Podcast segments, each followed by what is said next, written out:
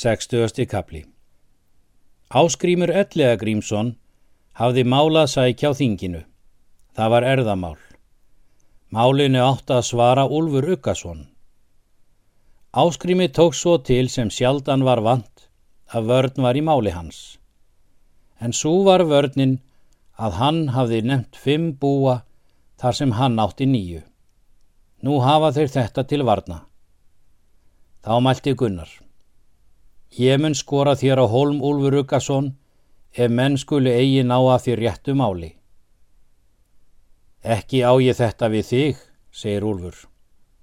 Fyrir hitt mun nú þó ganga, segir Gunnar, og myndi þann játt lætla og helgi vinur minn að ég myndi hafa nokkur af vörn í máli með þér áskrýmur ef þeir væru eigi við. Laug svo því máli að Úlfur hlaut að greiða fjöð allt. Þá mælti áskrýmur til Gunnars. Heim vil ég þér bjóða í sumar og jafnan skal ég með þér vera í málaferlum en aldrei í móti þér. Rýður Gunnar heima þingi. Littlu síðar fundust þér njál. Njál bað Gunnar vera varan um sig. Hvað sér sagt að þeir undan þrýhyrningi ætluðu að fara að honum og bað hann aldrei fara við fámenni og hafa jafnan vopp sín. Gunnar hvað svo vera skildu.